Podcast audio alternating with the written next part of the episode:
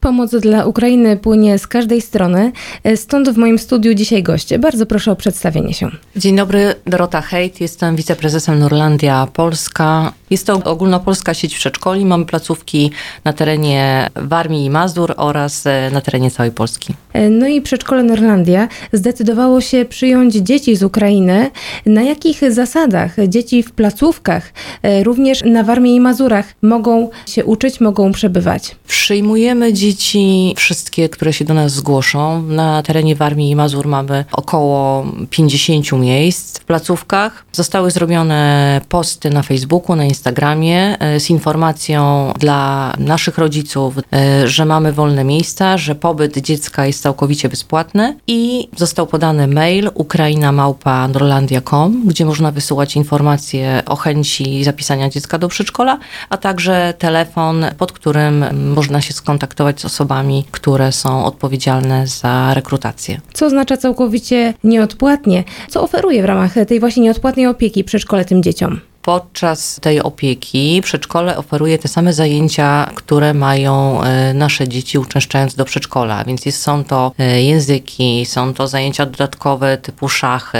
zumba, robotyka, e, zajęcia teatralne. Tego jest naprawdę bardzo dużo, w zależności od lokalizacji placówki, bo też w lokalizacjach te zajęcia trochę się różnią. Oprócz tego są to bezpłatne posiłki, ubezpieczamy dzieci, także to wszystko leży po naszej stronie. Jeśli chodzi o rodzica, wystarczy tylko do nas przyjść i po prostu zapisać dziecko. Nawet przygotowane umowy zostały przetłumaczone na język ukraiński, tak żeby właśnie rodzicom usprawnić cały ten proces e, rekrutacji i zapisu dziecka do przedszkola. Wymagamy tylko paszportu albo jakiegoś dokumentu potwierdzającego przekroczenie granicy ukraińsko-polskiej. I na jakiej zasadzie finansowany jest pobyt dziecka? To są nasze środki, także my od rodziców nie bierzemy całkowicie żadnych e, pieniędzy. To jest e, duże wyzwanie zatem takie logistyczne, ale też warto powiedzieć o tej takiej stronie ludzkiej. W jaki sposób e, właśnie kadra i też inne dzieci są przygotowywane na tę sytuację, jednak trudną, trzeba to powiedzieć.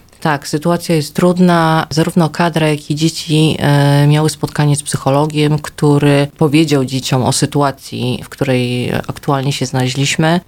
Dzieci wiedzą, że dołączą do nich e, dzieci nie mówiące w naszym języku, które mogą być trochę przestraszone, mogą być e, wycofane nową sytuacją. Poza tym też mamy wsparcie bardzo duże od naszych rodziców, którzy z dziećmi codziennie też e, rozmawiają i mówią o nowych koleżankach, kolegach, które mogą dołączyć do grupy. Poza tym postaramy się też zatrudniać w niektórych placówkach osoby z językiem ukraińskim i one tutaj nam też bardzo pomagają w kontaktach e, z dziećmi. Bo dzieci z Ukrainy razem z polskimi dziećmi są w jednej grupie, prawda? Tak, dzieci s- są w jednej grupie. Na Warmii i Mazurach, gdzie się takie placówki mieszczą.